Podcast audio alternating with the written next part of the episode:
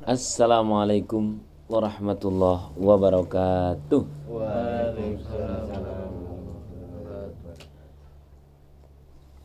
Dengan kisah ini nanti kita akan tahu ternyata seberapa kualitas keimanan kita dalam hal bermuasyarah berhubungan dengan sesama manusia. Jadi kisahnya kala itu iblis mendatangi Fir'aun. Fir'aun itu sudah terlaknat, iblis pun sama. Kemudian terjadi dialog antara iblis dan Fir'aun. Fir'aun dan iblis. Kala itu kemudian si iblis mengatakan demikian.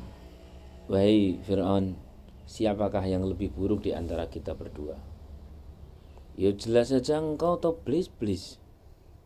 Ya iso, bukan bukan saya. Saya sejelek-jeleknya paling pol menggoda orang lain agar masuk ke neraka.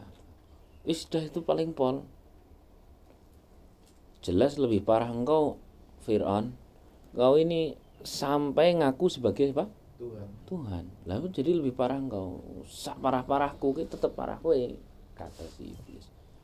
Ya, ndak saya ngaku Tuhan kan sementara waktu. Besok juga atau segera nanti saya akan bertaubat lah. Uh jangan taubat dulu. Nanti kalau kau bertaubat segera mengikutmu nanti pada kecewa. Penonton nanti kecewa. Penonton kecewa pengikut kecewa nanti kau jadi tidak punya pengaruh. Kau langsung kelihatan cemen nanti. As, nanti gampang tobatnya itu nanti. Oh gitu ya? Iya nanti aja tobatnya Alhasil kemudian Fir'aun pun menunda taubatnya hingga nanti pas mau mati. Tapi kita tahu Fir'aun taubatnya diterima atau tidak? Tidak diterima karena nafas sudah di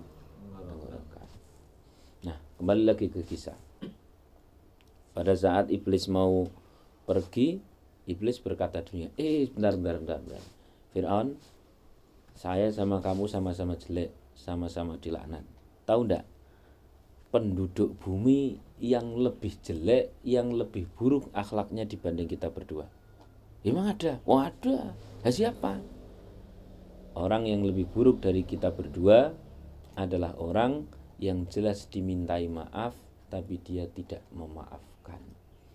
Sebab orang tersebut sebenarnya sudah mau didatangi rahmat Allah dengan cara datangnya orang yang meminta maaf tapi dia tidak membuka hati untuk memaafkan berarti orang yang menutup rahmat Allah. Ini lebih parah dari kita berdua. Saudara-saudari rahimakumullah teman-teman semuanya dengan kisah ini semoga jelas. Maka sejengkel apa pun kita terhadap siapa pun di mana pun gitu ya. Misalnya misalkan dimintai maaf sama mantan ya sudahlah saya maafkan. Kamu nikah dulu sana gitu tidak apa-apa. Pokoknya kita senantiasa memberi apa? Maaf dengan lega. Seberat apa pun kalau ketika kelihatan wajahnya yang kepingin balang sandal sekalipun tetap sebisa mungkin kita harus bisa apa? Sari memaafkan. Kenapa? Kalau kita tidak memaafkan maka yang terjadi kita bisa lebih buruk dari siapa dan siapa? Iblis, iblis dan Fir'aun. Demikian dulu matur nuwun. Terima kasih. Kembali lagi nanti besok di kisah berikutnya. Semoga manfaat saya Kang Riyad dari Kampung Doaku Assalamualaikum warahmatullahi wabarakatuh